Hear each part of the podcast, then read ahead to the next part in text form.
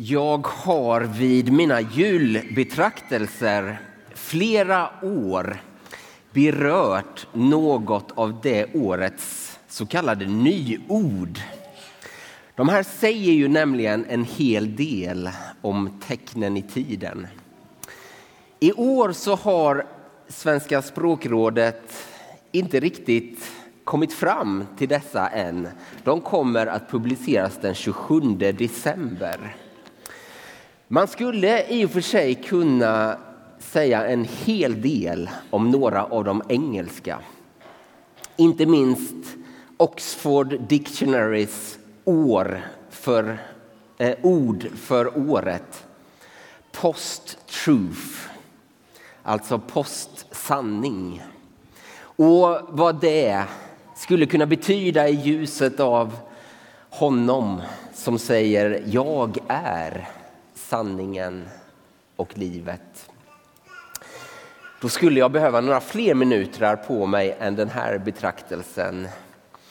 Jag skulle därför istället vilja ta med er till ett annat ord som jag har funnit i min ständiga jakt efter nya spännande ord.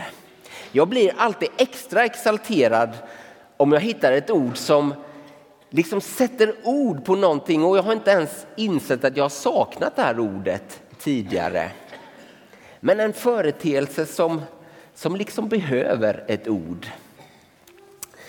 Det här är också ett engelskt ord och jag har inte hittat någon svensk översättning än. Det är ordet sonder. Sonder. Och det står för insikten om att varje person som av en tillfällighet passerar förbi, kanske i en mötande bil, ett tänt fönster i ett höghus, en person ett par bord bort på ett café, lever ett liv lika flerdimensionellt, komplext och lika fyllt av glädjeämnen och oro som mitt eget. Att varje person bär en berättelse och är huvudperson i den berättelsen. Sonder.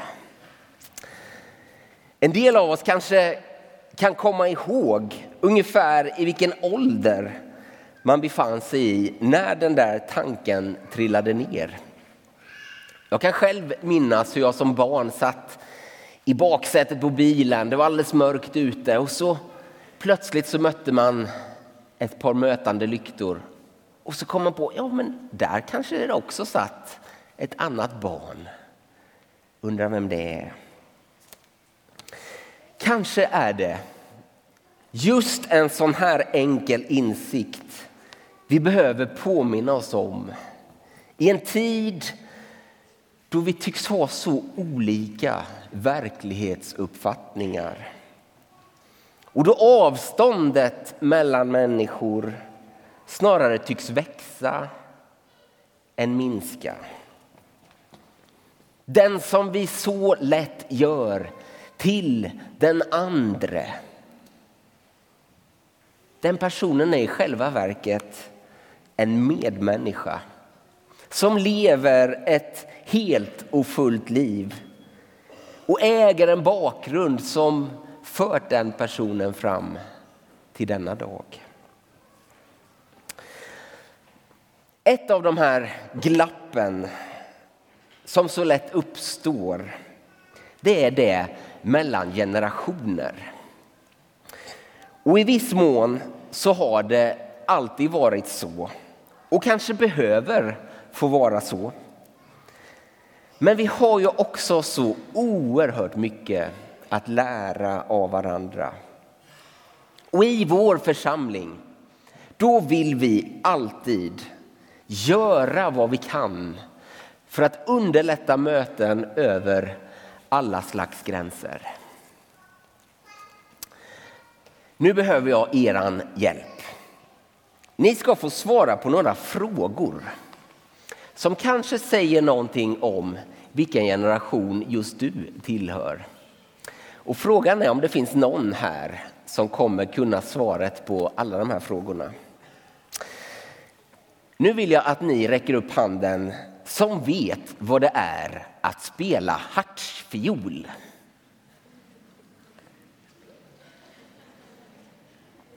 Ja. Vilka här inne vet vem Picasso är? Nu säger jag alltså inte Picasso, konstnären, utan Picasso. Finns det någon här inne som har fångat en Picasso just idag? Mm. har vi några stycken. Grattis till er! Vilka här inne vet vem Fingal Olsson är? Ni vet, han sitter ju där borta och han rör ju på sig. Ja, eh, för en del av er är det här ganska obegripligt, men det här var roligt 1958 när den här sketchen först lanserades. Nu vill jag veta vilka här inne som vet hur man gör en dab.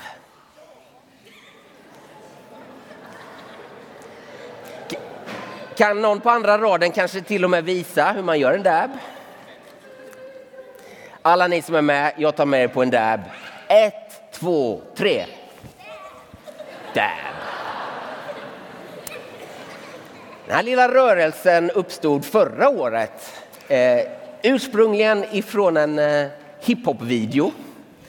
Och eh, sen så var det en amerikansk fotbollsspelare som började göra det här som segergest. Och sen spreds det till även europeisk fotboll. Och nu är vi rätt många som vet hur man gör en dab. Men ni som vet hur man gör en dab, frågan är om ni vet hur man gör en swish.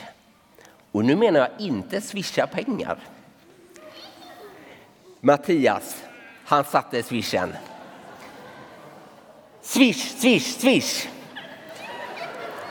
Så här gjorde man på 80-talet, särskilt om man gillade tennis. Det var nämligen Mats Wilanders segergest. Och sen kom det en humorserie som hette Smash som gav den här spridning. Nu vill jag fråga er. Vilka här inne vet vem Jesus är och varför vi firar jul?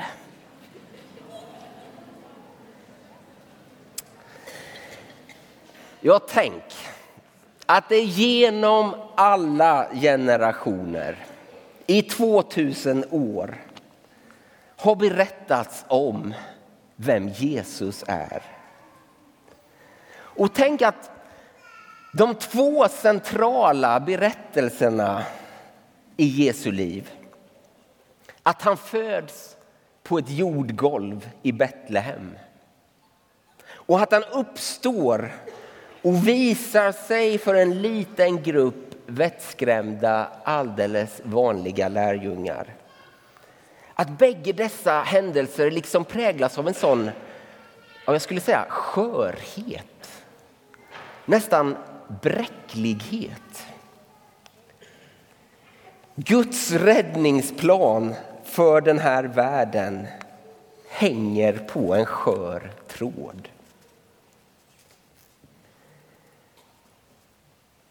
Att de där unga föräldrarna lyckades ge det här lilla nyfödda barnet den trygghet han behövde. Att de lyckades rädda sig undan den maktgalne lynnige Herodes som flyktingar till Egypten.